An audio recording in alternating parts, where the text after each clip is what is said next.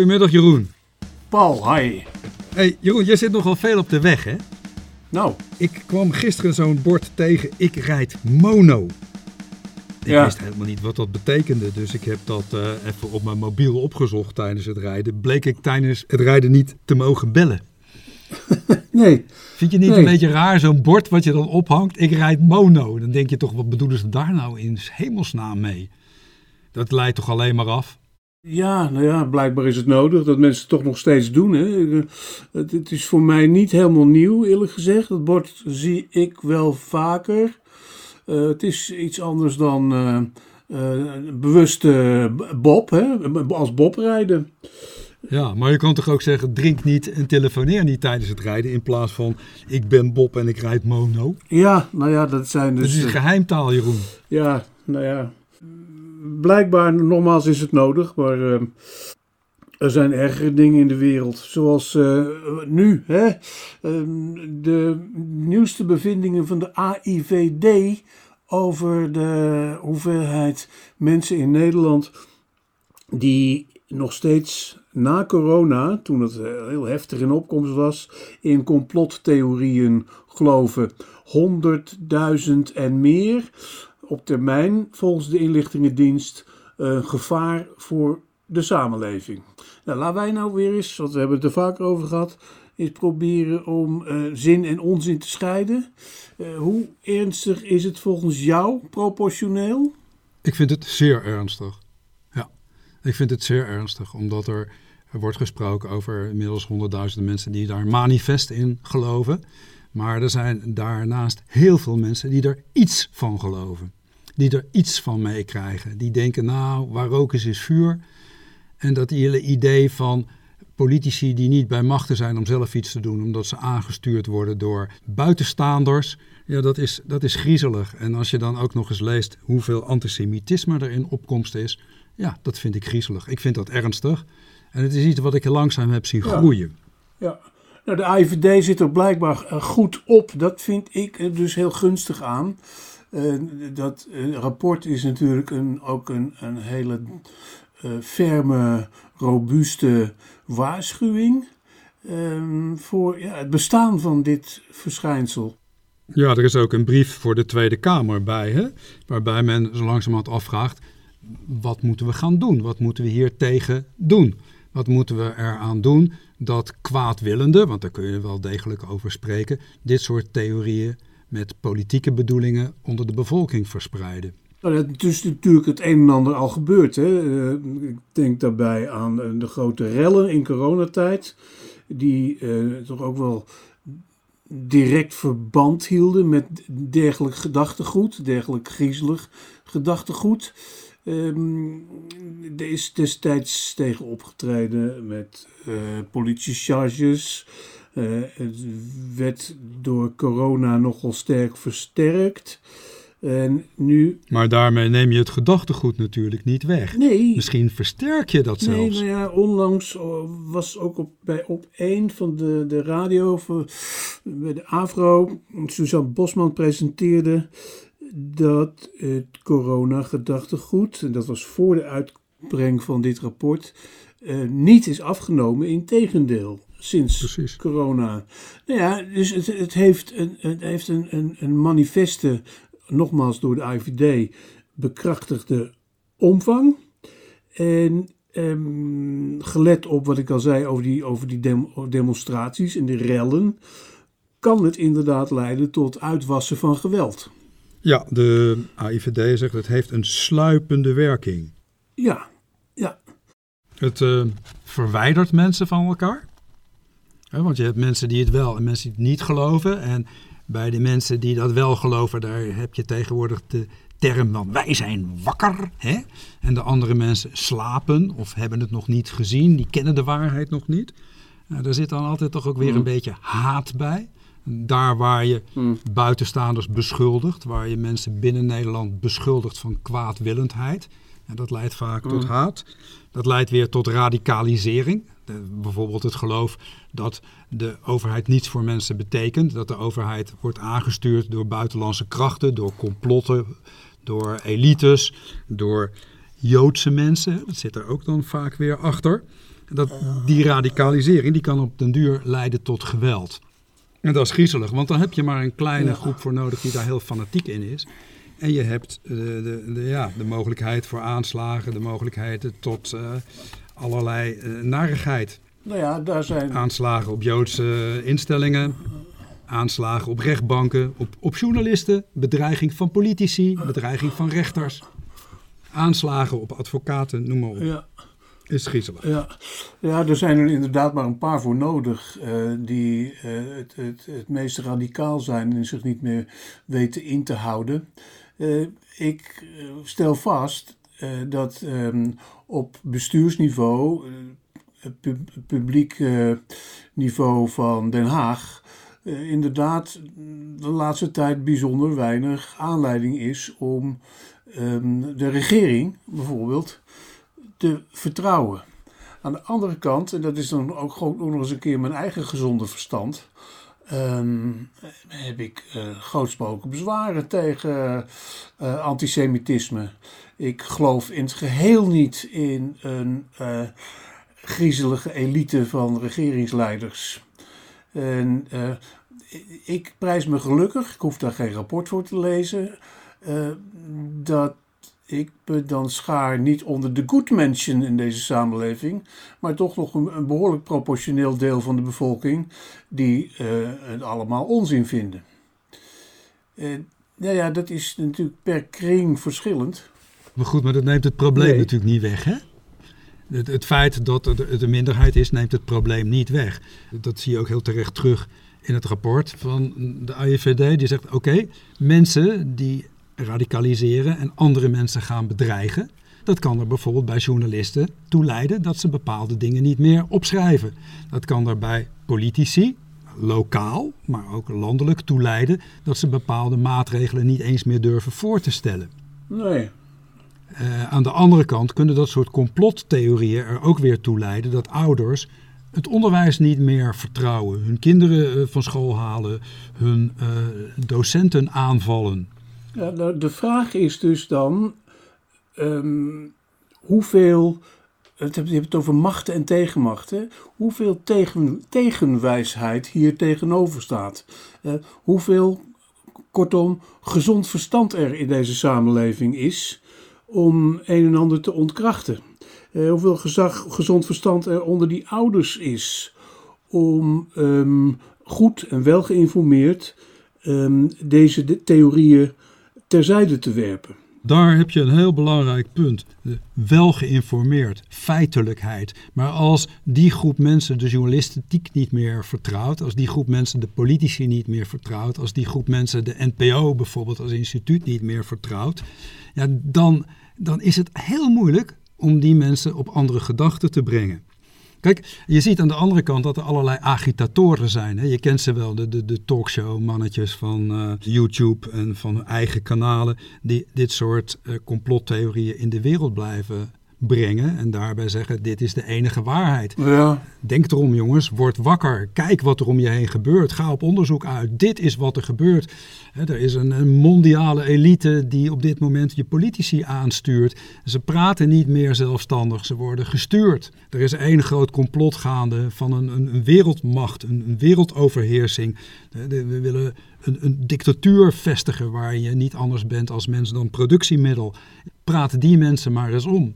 En de mensen die dit willen zijn weten, soms om politieke, soms om financiële redenen doen, pak ze maar eens aan. Want je stuit al heel gauw op de vrijheid van meningsuiting. Ja, maar door, door op deze lastig. manier uh, de complottheoretici te citeren, um, benadruk en bevestig je hun ideeën goed. Maar dat is iets anders ja, denk je dan. Dan? Nou, nee. Dat is iets anders dan uh, vast te stellen dat het um, bij wijze van spreken bij meer dan een miljoen mensen um, aanwezig is. Jeroen, zou het niet zo zijn dat de mensen die er manifest in geloven, die zich opwerpen als opinieleider, anderen daar niet lichtelijk in beïnvloeden? Ja, natuurlijk. Die anderen toch denken van ja, nou ja, die NPO, die journalistiek, die is niet meer zo Natuurlijk. vertrouwbaar. Ze hebben. Die regering die, die praat niet meer zelfstandig, die wordt gestuurd door Brussel al een klein beetje al. Hè? Of wordt, wordt beheerst door de, door de Verenigde Staten. Die hebben allerlei ja, andere motieven. Die willen een gecontroleerde samenleving. Mhm. Het sluipt erin. En het verdeelt mensen. En het brengt de rechtsstaat uh, onder druk. Ja. Het, het, daar waar vertrouwen in politiek, vertrouwen in rechtspraak, vertrouwen in journalistiek, in wetenschap verdwijnt, ja. hebben we natuurlijk wel een probleem in de samenleving. Ja. En dat probleem dat, dat wordt dan misschien veroorzaakt door honderdduizend mensen, maar is dan veel groter, omdat er ook een heel groot passief gedeelte is onder de bevolking die dat enigszins aanneemt. En ik denk, nou ja, stemmen heeft niet zoveel zin meer. Nee, maar onlangs hebben ze dat, ondanks het wantrouwen, juist massaal gedaan bij de provinciale statenverkiezingen. Dus ze ja. zijn juist wel gaan stemmen. En dat was voor de BBB ook de boze burger die zijn kans greep, is mijn idee. Maar dat zijn denk ik toch ook niet alle, allemaal aanhangers van complottheorieën. Het zijn meer mensen die het gewoon grondig zat zijn en die dat ook aan de regering hebben laten blijken. En wat is dan onlangs dan de uitkomst van het debat over dit alles? Dat de regering er niet zoveel tegenover stelt. In een, een, in een groot veld van werkelijke problematiek, wezenlijke, ware, hard aantoonbare, feitelijke problematiek. Uh, immigratiegolf, uh, vluchteling, vluchteling, vlucht, vluchtelingengolf die er aankomt. Um, um, de stikstofafweging, die um, slechts een onderdeel is van uh, een nogal grote hoeveelheid problematiek die wezenlijk uh, iedereen raakt. Naast datgene wat als een manifest imaginair theorieënstelsel aanwezig is onder een deel van de bevolking. Ja, dat, dat, dat moet je me even uitleggen. Dat is me niet helemaal helder. Wat bedoel je? Nou ja, ik zeg aan de ene kant dat er, dat er feitelijk een, een aantal grote uitdagingen zijn voor bestuurders. Zoals bijvoorbeeld de vluchtelingenproblematiek, die de komende maanden alleen maar veel manifester zullen worden. En dat gedachtegoed over uh, antisemitische, antisemitische tendensen, over Joden die het allemaal bedisselen. Wat ik dus uh, ja, ik griezelig vind maar proportioneel minder erg dan de wezenlijke, echte uitdagingen voor regeringen, niet alleen in Nederland. Ja, dat maar Jeroen, ik. ik. denk dat van mensenhaat een, een, een, hele grote dreiging uitgaat. En dat de, de stabiliteit in de samenleving daar ernstig door verstoord kan worden. En dat dat ook leidt tot de onoplosbaarheid van allerlei problemen. Kijk, regeren is vooruitzien. Nou, je kunt je afvragen of onze regering dat wel hier en daar goed doet. Maar regeren is ook maatregelen durven nemen. En dat betekent van de bevolking dat je soms ook maatregelen moet accepteren. En daar waar die complottheorieën steeds meer ingang vinden en de samenleving radicaliseert, is het acceptatievermogen van mensen een stuk minder. Je ziet dat, dat uh, de, de, de protesten van de boeren hard waren.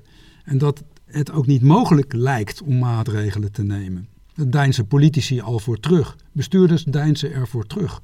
En dat is natuurlijk ook een groot probleem. Nou, die protesten waren zo hard omdat uh, het ook een, een, heel duidelijk signaal gaf, een beeld gaf van uh, een, een, zekere proportie wanhoop onder de getroffen sector. Uh, Daar denk ik ook zo over. Het ontbrak aan een goed perspectief en een goed langetermijnbeleid. Maar dat betekent niet dat je totaal niks moeten doen. Nee, helemaal niet. En de, de, regering is er wel voor teruggeschrokken om iets te doen. Nou ja, ze zijn uh, nogal stevig geschrokken van uh, de hoeveelheid tractoren op de weg.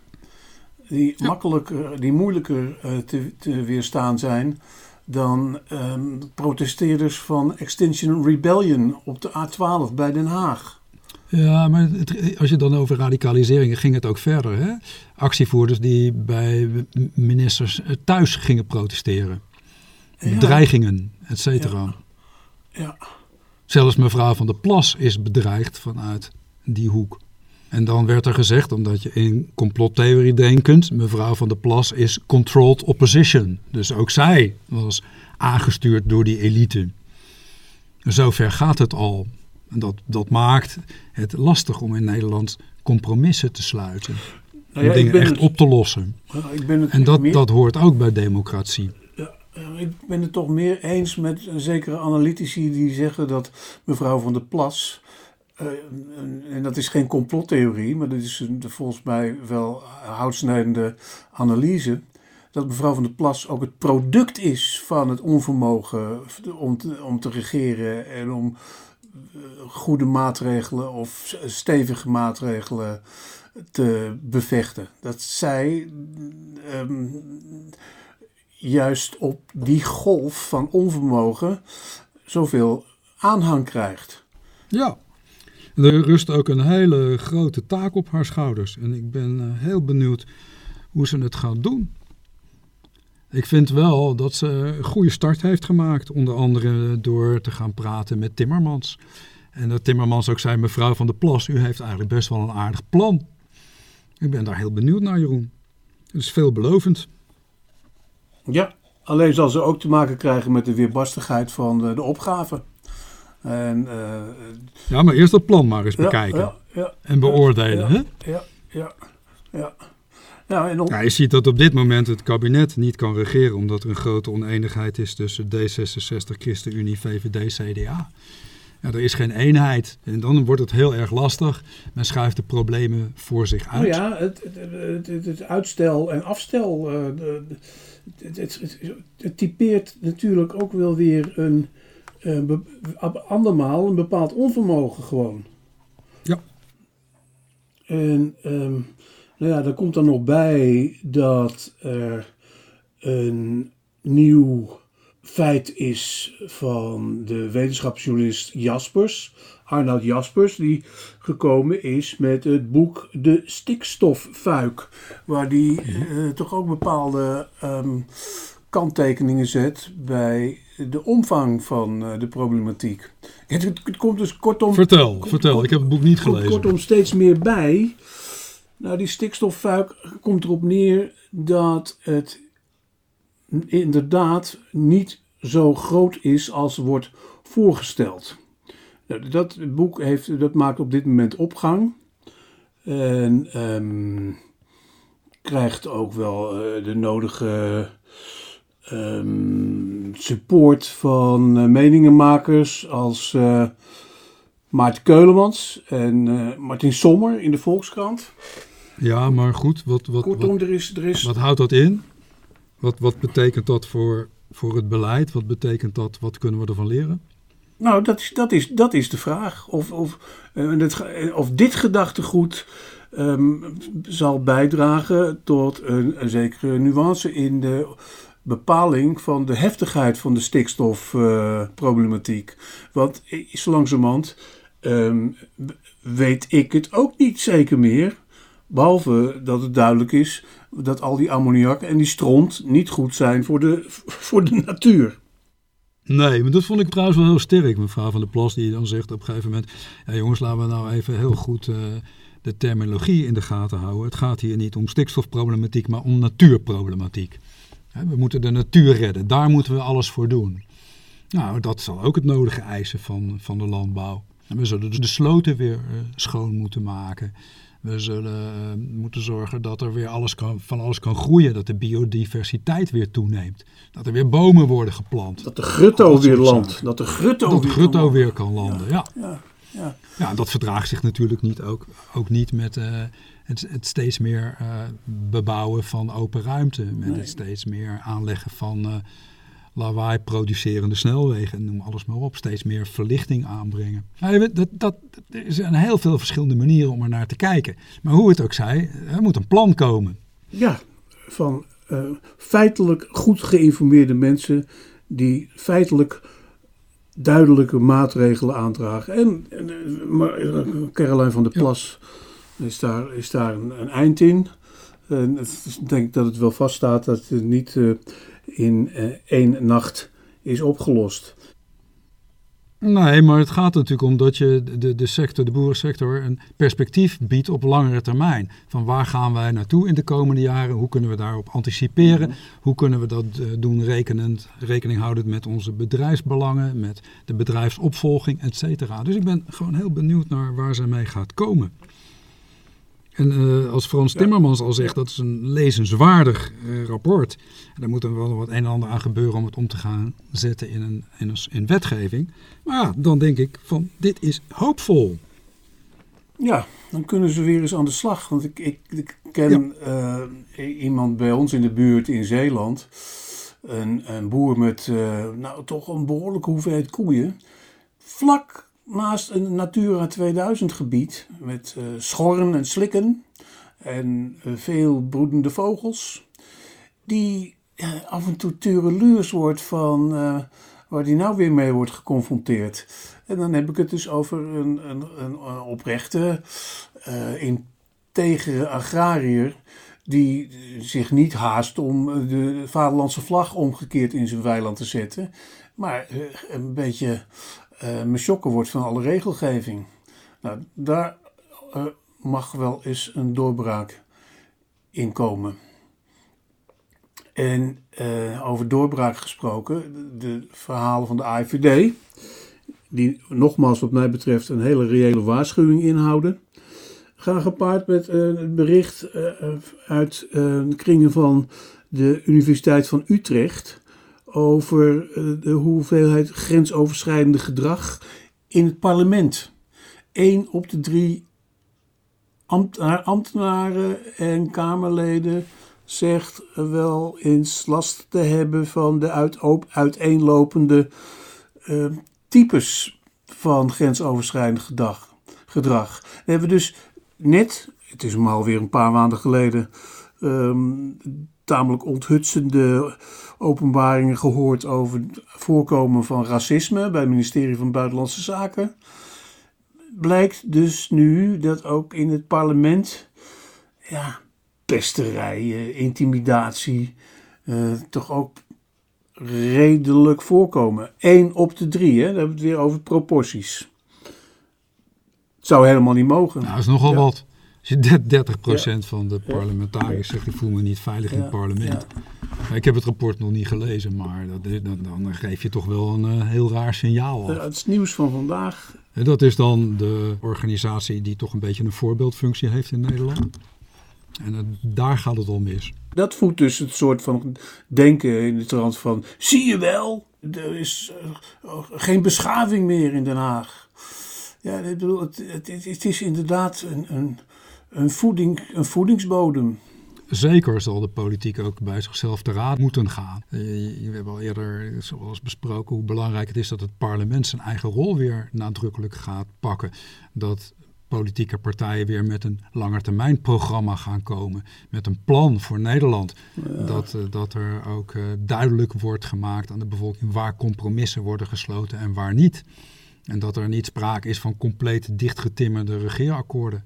Er is in het parlement de afgelopen periode ook gesproken over ja, een soort intimidatie die uit zou gaan van de regering om altijd de coalitie te steunen. En als je als partijlid, van welke partij, dan ook, helemaal niet achter een maatregel kan staan, dat je niet meer de vrijheid hebt om dat ook echt in het parlement te uiten en desnoods tegen een bepaalde maatregel te stemmen. Pieter Omtzigt heeft daarover gesproken, onder andere afgelopen week.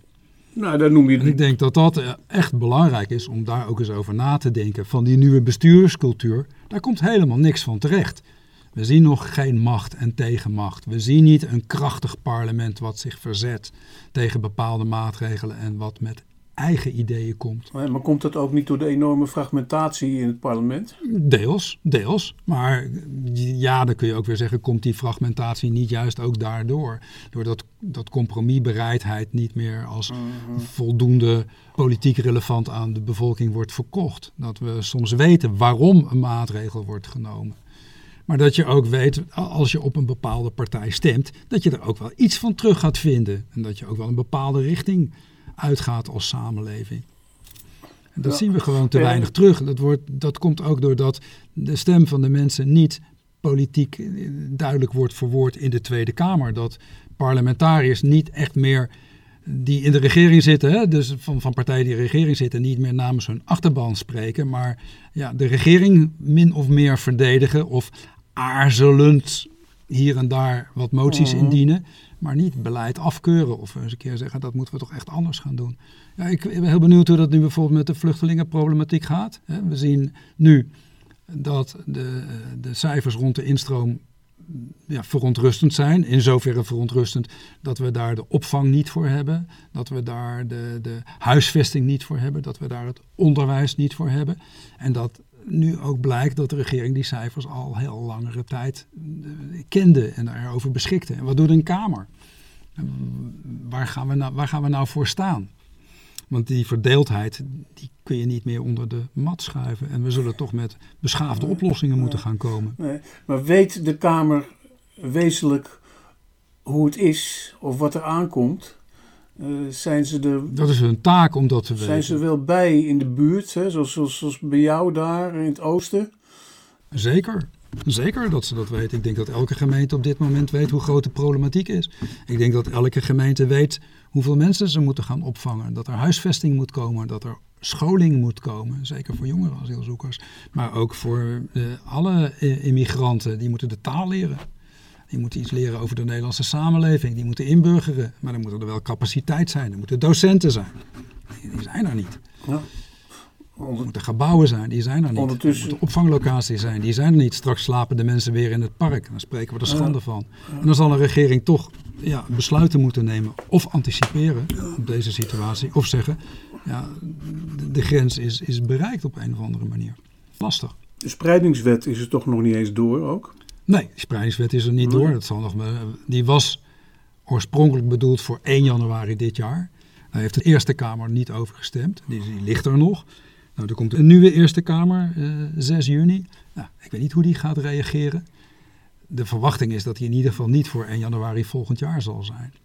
En intussen tijd moet onze arme staatssecretaris maar bellen en smeken en bellen en smeken. Maar zo los je Ja. geen problematiek op natuurlijk. Nee, nee.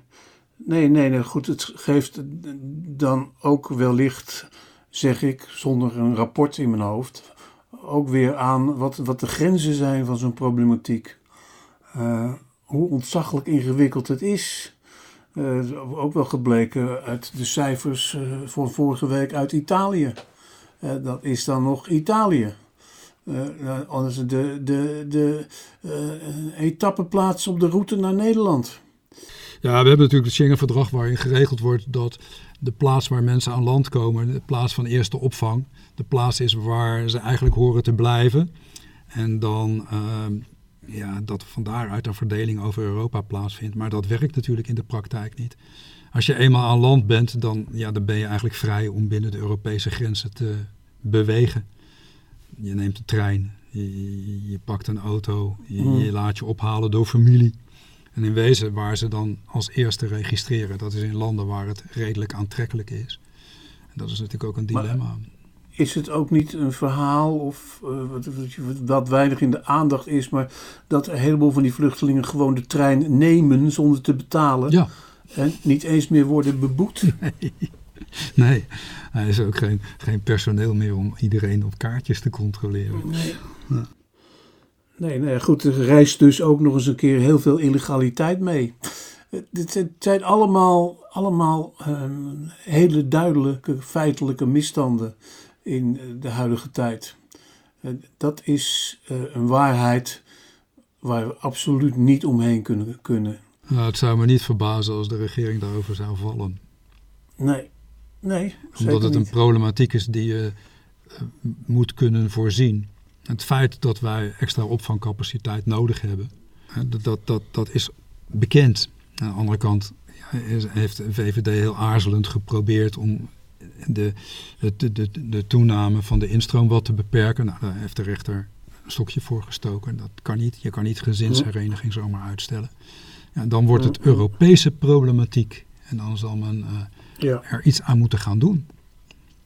het Humaniteit gebeurt. staat daarbij Het voorop. Maar je kan niet zeggen, u bent welkom in ons land. En dan is er geen, zijn er geen dokters, er zijn geen scholen, er zijn geen leraren, er zijn Nee. geen woningen, er, zijn, er is niets. Dat kan natuurlijk niet. Mensen moeten straks weer buiten Tekorten. slapen. Dat kan natuurlijk niet. Tekorten, tekorten, tekorten tegen het teveel, Ja, teveel. Dat wordt de feitelijke waarheid. het was weer geen vrolijke Ehm. uitzending vandaag, Jeroen. Het was weer geen vrolijke podcast. Maar eens kijken of de zomer, de lente ons straks toch wel weer wat eh, positiefs gaat brengen. Maar wat de politiek betreft, ik ben bang dat we dan eerst toch een nieuw kabinet moeten gaan krijgen. Ja, ja. Zeg, en nog één ding. Zou er in Nederland ook een Jack Texera zijn? Eh, die, die gozer, die, die, eh, die, die, Die blogger? eh, die blogger die die Amerikaanse geheime stukken op internet Ja. heeft gezet. Ja. Ja, hoe is het mogelijk, hè? Ik vind Ja. dat zo'n jongen, zo'n jochie, eh, jongetje, mannetje, in een vrij lage militaire rang dat doet. Dat is één kant het verhaal. Maar dat hij het kan doen, dat, dat is nog veel verbijsteringwekkender.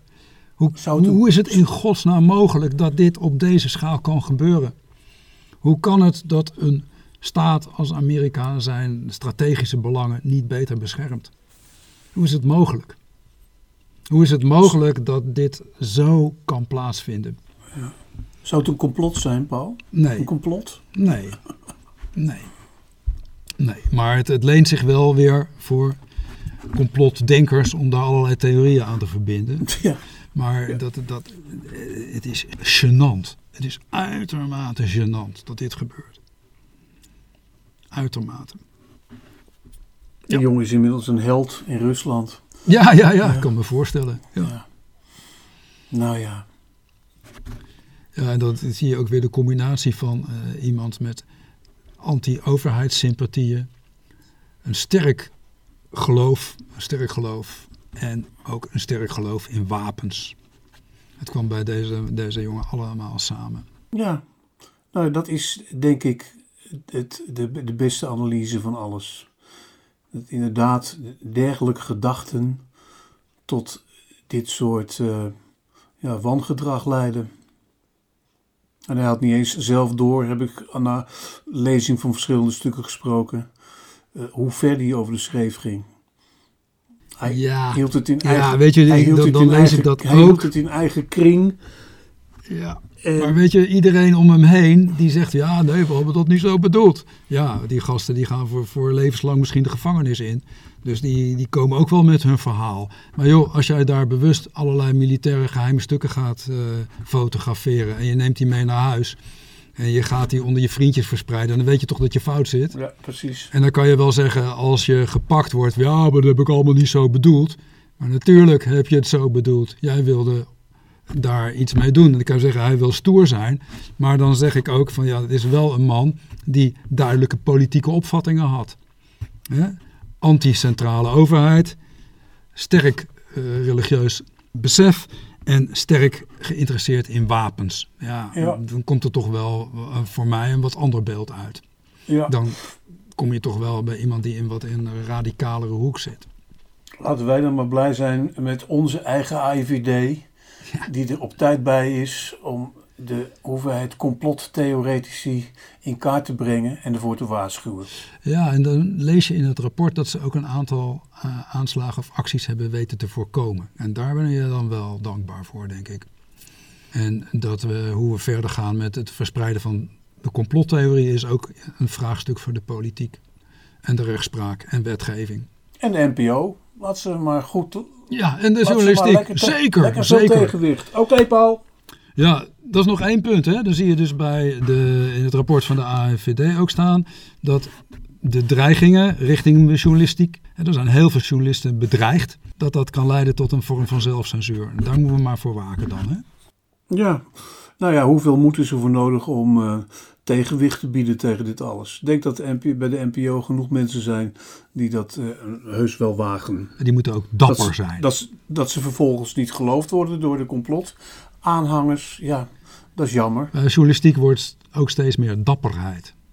Ja, Jeroen, moedig voort. tot volgende week. Hoi!